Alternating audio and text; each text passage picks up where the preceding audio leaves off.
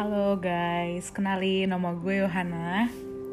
Jadi ceritanya karena sekarang lagi work from home nih, gue ngerasa kayaknya uh, I am grateful, not grateful sih, tapi well grateful itu adalah responsnya, tapi kayak gue ngerasa um, lucky enough to be, you know, receive this kind of situation, to have this kind of situation karena gue akhirnya bisa ngerasain yang namanya uh, nabung karena gue nggak harus ngeluarin kos buat transportasi dan nabung karena gue nggak harus jajan-jajan di kantor dan sebagainya.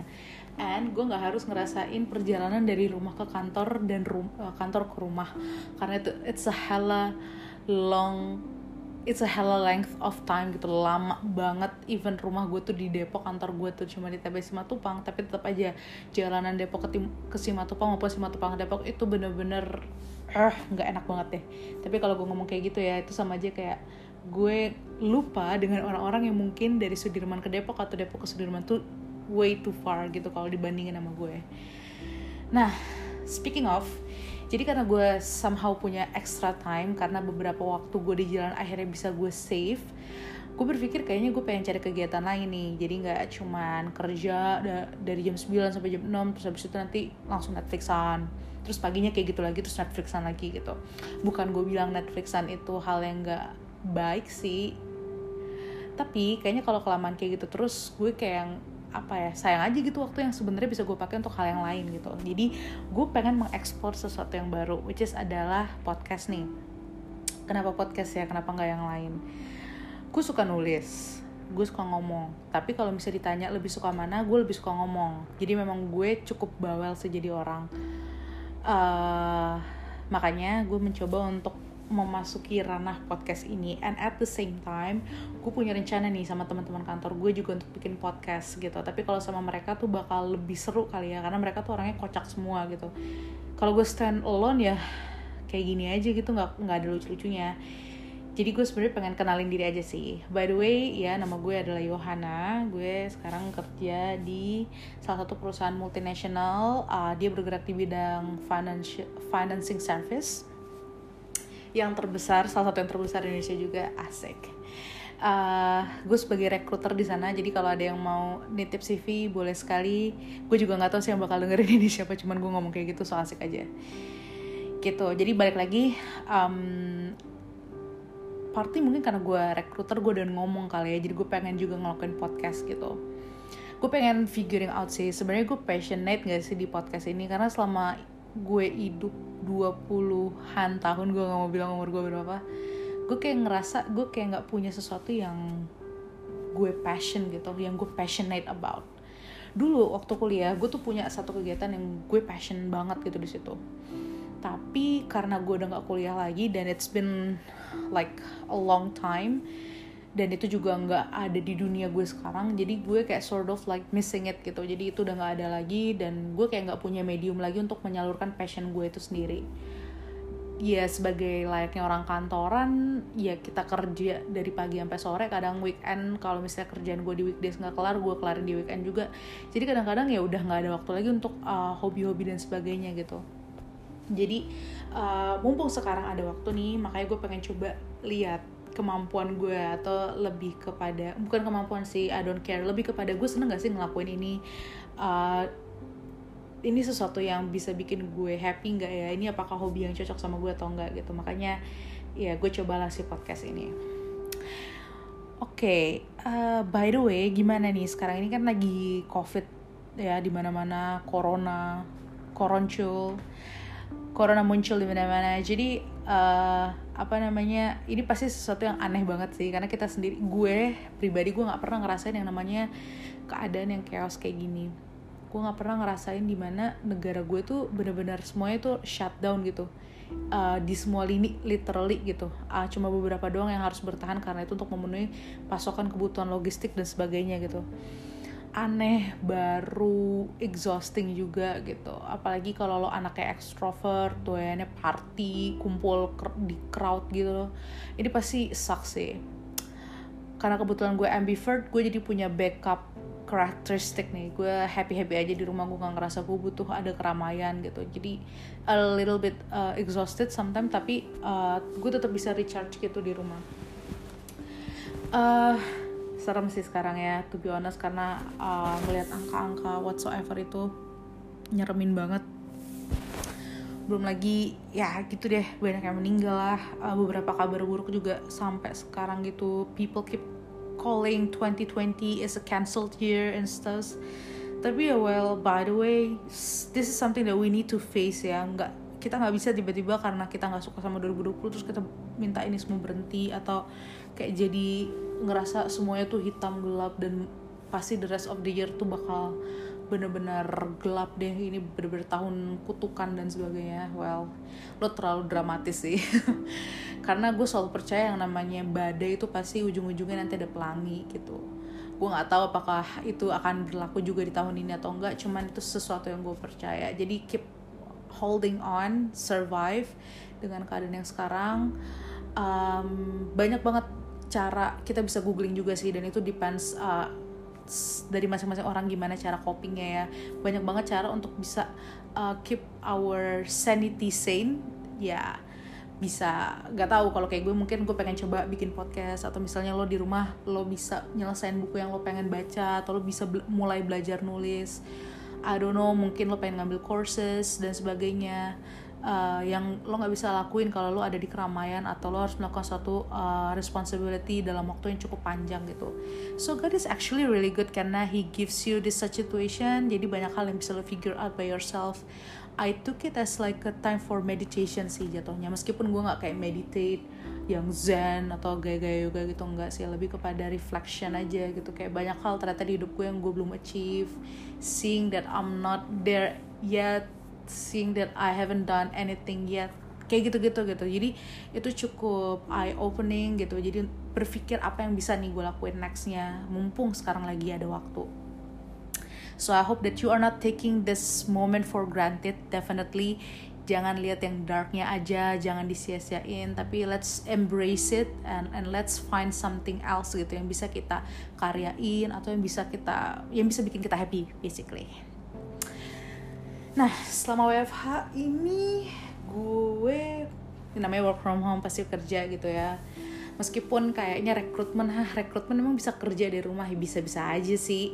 Karena sekarang teknologinya udah epic ya lo tahu Zoom dan sebagainya kan. Jadi um, kalau di ya di beberapa kantor-kantor performa ada yang namanya Teams juga gitu. Jadi sih sebenarnya nggak ada difficulties yang gimana-gimana banget dengan rekrutmen dan sebagainya. Tetap bisa uh, ya cari-cari kandidat dan sebagainya gitu. Jadi gue masih punya kegiatan lah uh, getting in touch with uh, potential candidates and stuff talking with them and then also seeing uh, ini cukup potensial nggak ya buat company gue dan sebagainya. Terus juga ada beberapa project juga dari bos gue dan dikerjain bareng-bareng tim. Jadi it's been fun sih for the WFH anjay. Nah selain kerja sebenarnya yang gue lakuin tadi ya nonton Netflix tapi ada sesuatu yang gue pengen share juga nih. Ceritanya sekarang uh, gue kembali lagi kepada kebiasaan gue yang lama. Puji Tuhan kebiasaan yang baik yaitu adalah nonton TEDx. Uh, gue udah mulai menggandrungi TEDx tuh dari kuliah karena banyak banget informasi-informasi not limited to personal development tapi kayak misalnya gue dulu pernah belajar soal kayak uh, for I forgot sih tapi other than personal development banyak banget ilmu yang lo bisa dapat dari situ. Kayak issues global issues waktu itu gue juga belajar soal mental health tentang features dan predictiveness. Sedikit waktu itu gue juga dengar soal data science and how data dan machine learning and stuff itu bisa ya what will happen in the future lah things like that. Karena waktu itu gue masih figuring out, figuring out gitu kalau gue keluar dari kampus ini gue mau lulus gue tuh mau ngapain sih sebenarnya? Even better ketika gue lulus ya gue lebih punya banyak waktu nih untuk nonton si TEDx ini. Tapi selama kerja jujur 2 tahun 3 tahun gue kerja ini gue jauh banget dari TEDx. Kayak bener-bener Sabtu Minggu gue gue binge eating, binge watching, binge Netflixing dan sebagainya gitu. Jadi um, karena mungkin TEDx juga lumayan berat ya gue lebih prefer cari sesuatu yang light gitu. Akhirnya oke okay, balik lagi ke TEDx. Gue nonton TEDx lagi kenapa nih tiba-tiba TEDx lagi gitu? Selain sekarang emang lagi WFH jadi ada satu kejadian selama minggu ini gue ngerasa kayak gue lagi mengalami identity crisis. Ya tipikal anak seumuran gue lah ya 20ish gitu ya yang masih blur semuanya gitu. Masih nggak tahu mau ngapain udah bertahun-tahun kerja tapi kayak masih figuring out nih sebenarnya gue pengennya ngapain sih gitu Nah, uh, cuman kan orang tuh beda-beda ya penyelesaiannya. Ada yang misalnya kayak, oke, okay, go ahead langsung dicari gitu. Ada yang extremely taking risk gitu, risk taker gitu. Oke, okay, mulai besok karena passion gue di masak, gue akan berhenti bekerja dan gue akan masak gitu. Ada juga yang kayak very cautious gitu, yang bener-bener ngitung pro and cons-nya. Ada juga yang kayak, eh nyeh, ya yeah, passion is passion, job is about getting money and stuffs gitu kan. Jadi um, copingnya beda-beda kalau menurut gue ya. Jadi kalau di kasus gue sih gue jujur belum tahu sih coping gue ini tipikal yang mana. Tapi kalau dengerin cerita gue tadi sih gue lebih ke ya, gue nggak udah nggak kepikiran lagi lah soal passion passion itu. Atau ya tentang krisis identitas gitu. Terus uh, gue coba ya buka-buka TEDx deh coba cari topik yang lain gitu. Terus gue ketemu nih sama yang namanya self love love yourself kayak ini jargon zaman sekarang banget ya. Setiap orang tuh ngomongin harus love yourself. You have to forgive yourself. You have to understand yourself. There's no one better in this world to love yourself. Tapi kayak iya yeah, bener sih. Kayak tapi gue bener, belum belum bener-bener paham gitu. Esensinya apa sih? Apa yang bakal gue dapetin kalau gue bisa cinta sama diri gue sendiri gitu? Kayak you know aneh gitu. Maksudnya it was before that X it was before that X the before other things gitu. Kayak what's the purpose of having self love gitu? Atau to love yourself? Terus gue kayak ya udah tonton dulu aja moga-moga ini light gitu ya. Uh, ada beberapa yang gue suka tuh aduh nanti gue gue lupa sih namanya siapa ya. Jadi dia cerita soal what what is wrong with what is wrong with yourself gitu. Jadi dia kayak mencoba untuk bilang kayak stop criticizing criticizing yourself gitu lah intinya. Ada juga yang cerita tentang dia akhirnya bisa belajar mencintai dirinya tuh karena anaknya. Oh, itu itu touch, uh, apa ya touching banget sih karena gila ini orang tuh journey of self love nya tuh super duper gunung dan lembah banget lah. Masalahnya dia cerai sama suaminya dan sebagainya. Di part itu gue ngerasa kayak wow ternyata hmm, still haven't figure out sebenarnya fungsinya apa. Cuman kayak gue ngerasa it's kayaknya bakal seru nih kalau misalnya kita bisa tahu gimana cara mencintai diri kita sendiri. Karena uh, di poin itu gue ngerasa kayak nggak ada yang bisa bener-bener sayang sama diri lo gitu. Kayak things will leave things will gone will be gone. Things might change. Sometimes itu juga akan leads to you know uh, distance in love dan sebagainya gitu. Kayak at the end of the day ya lu nggak bisa count on anyone gitu untuk mencintai diri lo sendiri. Itu yang gue dapat sih pesannya gitu dari orang ini. Even kayak you know dia udah cukup tua dia dia udah mulai bisa figuring out itu sendiri di umur yang muda gitu. Itu cukup menggelitik gue juga sih. Uh, selain itu juga gue merasa kayak akhir-akhir ini lagi kurang kasih sayang. Ini terlalu jujur. Karena sebenarnya um, lebih kepada gini sih biasanya tuh gue hidup bersama dengan manusia-manusia lain gitu. Different persons every day. Not not really every day sih cuma I mean kayak setiap hari itu pasti ada di dalam crowd gitu. Meeting different people meeting different kalau kayak lo di record lo kenal namanya uh, lo kenal istilah users gitu kan. Getting insights talking with them and stuff gitu. But then when it comes to uh, sekarang nih kadang sekarang gue WFH dan COVID ini segala macam kayak social distance truly happens gitu. I mean kayak kita benar-benar nggak bisa ada di lingkungan sekitar kita, kita nggak bisa in touch langsung dengan orang-orang dan sebagainya. Kalau dibilang kan ada video call, emangnya lo nggak video callan? Iya, gue video callan sih, cuman mm, even gue kemarin video callan sama teman kuliah gue, teman-teman yang gue sayang banget gitu asli gue cinta banget sama mereka semua. Cuman kayak apa ya it's different feeling sih. Gue nggak gitu suka video call. Ternyata setelah gue ngakuin video call beberapa kali gue nggak suka video call. Gue pengen ketemu langsung gue pengen bener-bener liat mereka ngomong matanya bener-bener gue liat mata. As in gue nggak ngeliat ke handphone gitu tapi gue liat ke orang. I miss those feelings sih. Gue ngerasa kayak sendiri banget sendiri banget sampai muncullah si video-video TEDx itu. Sebenarnya yang paling gue suka kok tentang konsep self love itu tuh waktu itu gue pernah punya pengalaman uh, cukup menarik sih. Gue pernah gue tuh di lingkungan gue tuh rata-rata gue selalu menghadapi namanya bully membuli ya. Jadi gue bisa membuli orang dan gue bisa dibully orang gitu. Dan somehow gue berpikir kayaknya that's the easiest way to get into the crowd ya to get into a circle gitu. Karena uh, kalau di Indonesia tuh common banget dibilang lo kalau belum ngata-ngatain lo belum temenan gitu kan. Nah uh, mungkin beberapa pergaulan gue tuh emang uh, harus bisa deket tuh kalau caranya demikian bully membuli gitu ya dan I've, I've always been fine gitu. Ya elah dikatain ini dikatain itu santai gitu. Dan at the end of the day still gue bisa ngelakuin revenge gitu. Gue bisa ya balik balikin ngebuliknya gitu. Dan itu still kayak gue nggak ngerasa salah gitu. Baik gue dibully maupun gue membuli. Sampai suatu saat gue pernah punya pengalaman waktu itu ini dalam keadaan normal situation gitu ya.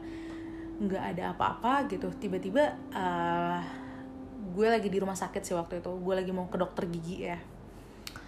Terus gue lagi nunggu lama banget tuh dokter gigi. Uh, terus gue chatan lah sama salah seorang teman gue gitu. Uh, ini chat yang biasa banget gitu. Biasa banget dia ngebully gue dan biasa banget gue juga ngebully dia.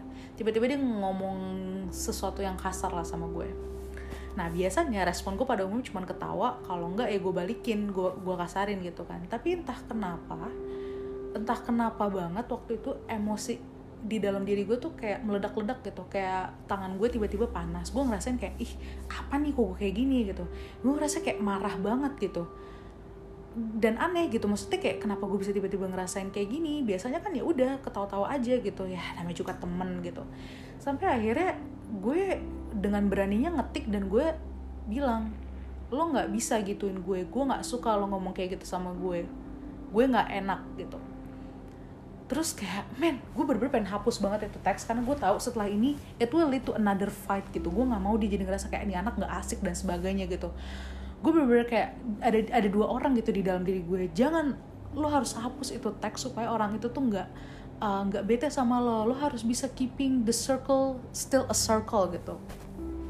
Tapi ada ada satu sisi lagi di dalam diri gue yang bilang kayak you've done the right thing dan dia cuma ngomong kayak gitu doang. Itu yang gue rasain waktu itu ya. Dan bener-bener itu emosi gue meledak-ledak banget telinga gue sampai panas dan sebagainya.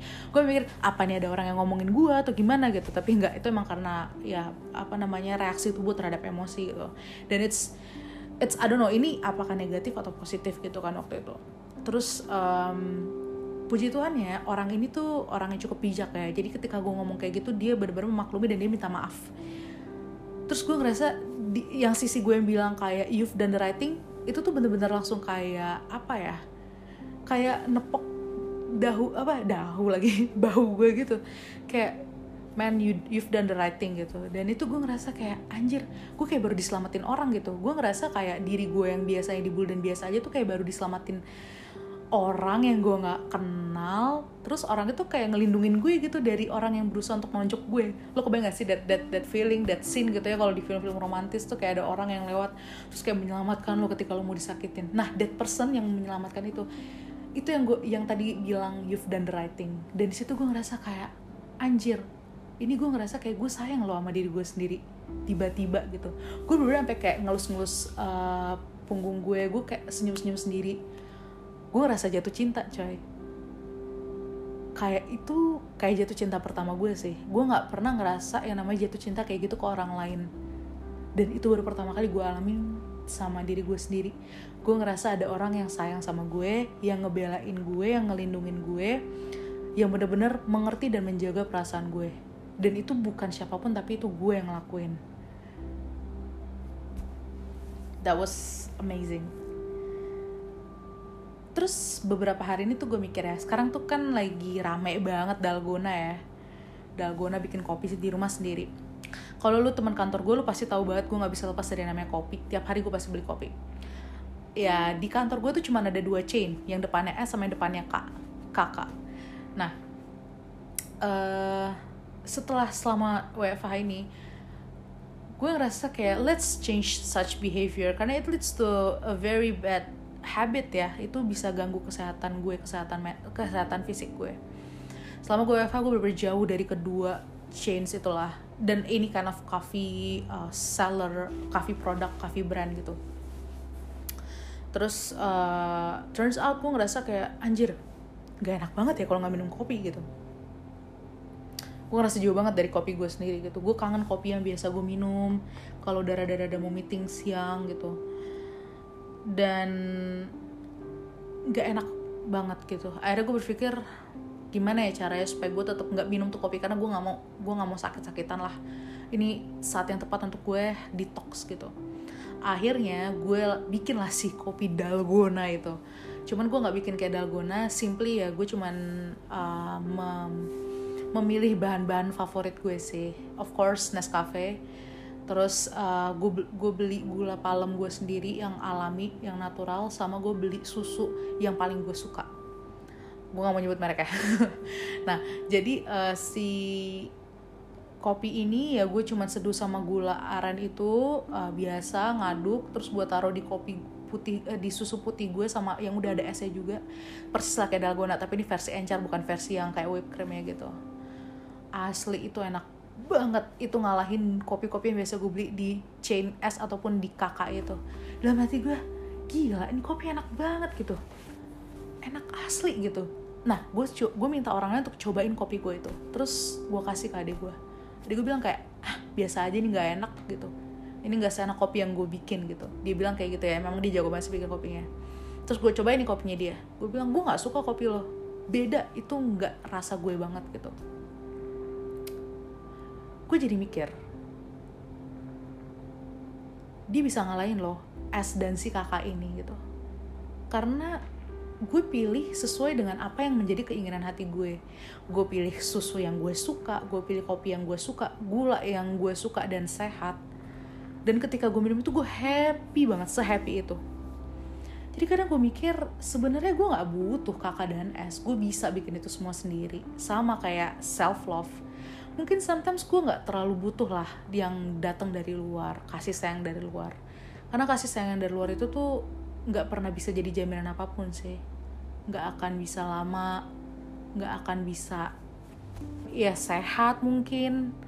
Karena kalau compare dengan kopi yang gue bikin tadi yang jelas bahannya apa ya gue jadi assured gitu. Apa yang gue bikin sendiri itu bisa bikin gue happy dan bisa bikin gue lebih baik sama kayak self love apa yang gue racik sendiri di dalam cinta gue ke diri gue sendiri tuh mungkin bakal jauh lebih baik dibandingkan kalau gue harus nyari cinta itu dari luar.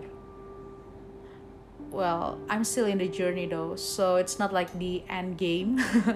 Still long long long journey. Life is still ahead. Gue nggak tahu apa yang akan terjadi. Apakah gue bener-bener akan ketemu dengan diri gue yang membela gue itu lagi nanti? I hope so I'm dying to meet that person again. Uh, I hope that it's gonna be happening in the nearest future. But as someone who looks for her love, gue mau mulai journey gue hari-hari ini sih. Gue pengen mulai journey untuk self love gitu. Sebelum gue tutup, gue mau cerita dikit. Kemarin gue main YouTube nonton tarot. so much coming from someone baik. Jadi intinya gue nonton tarot itu guilty pleasure banget. Terus gue ikutin lah semua kata-kata cewek yang lagi main tarot itu. Gue pilih satu I don't know kayak diamond gitu. Terus dia kayak reveal sesuatu gitu. Dia bilang kayak ini dan ini super bodoh sih karena gue jadi tuh dengan gue milih tarot itu gue akan tahu siapa yang akan ah, bagaimana kehidupan percintaan gue di tahun 2020 emang tolol banget. Intinya um, setelah gue milih si diamondsnya itu dari beberapa diamonds yang ada dia akan reveal nih apa maksud kartu tarotnya.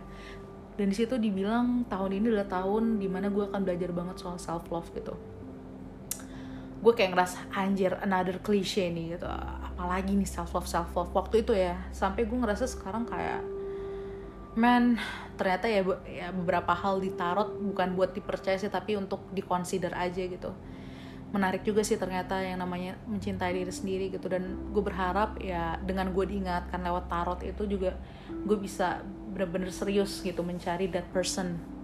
That person in the hospital while I'm waiting while while I was waiting for the dentist gitu. Ya gue pengen lah ngerasain apa yang gue rasain kemarin gitu. Dan itu bener-bener dahsyat sih and I hope that everyone who hear this would also do the same. You still have time to figure out how to love yourself.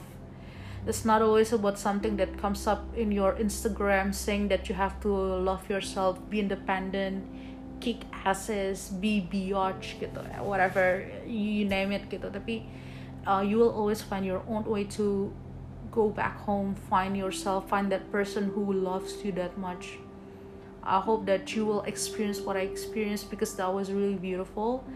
And um, yeah uh, if you haven't started that's okay. It's your call sih kalau menurut gue. Lo akan punya waktu lo sendiri untuk benar-benar pengen ngedalamin si self love ini. Dan gue nggak tahu juga apakah memang sekarang waktu yang tepat buat gue atau enggak stay safe everyone. Stay at home. Please do stay at home. I really wanna go out so bad the only way to be at that point is by reducing your activity outside the home. Unless lo kerja gue paham. Unless lo mau beli groceries gue paham banget. Karena lo harus memenuhi kebutuhan rumah. Tapi kalau lo yang masih sering hang out jalan-jalan gak usah ngadi-ngadi lah ini udah makin parah situasinya. Semakin lo keluar semakin lama kita akan kita semua akan keluar. Jadi lo mau nahan gak keegoisan lo sebentar aja untuk orang-orang di luar sana yang dying untuk bisa keluar pengen memenuhi kebutuhan mereka dan sebagainya pengen kerja pengen punya duit. Please don't be selfish. Stay at home. Stay healthy. Harus jaga semua muanya supaya kita benar-benar bisa selesain coronavirus gitu. Biar coronavirus tuh end game lah di Indonesia jangan lagi ada-ada lagi. Kayak lu mau cepet-cepet kayak Wuhan gak sih kelar semuanya? Gue pengen banget jujur. Jadi please stay at home and also stay healthy. Semoga uh, nextnya gue bisa ngobrol sama teman-teman gue karena I'm dying to do that. They are all funny. You will love them definitely. Dan semoga ini bisa disustain sih. Dan semoga gue happy. Let's see. Thank you. Good night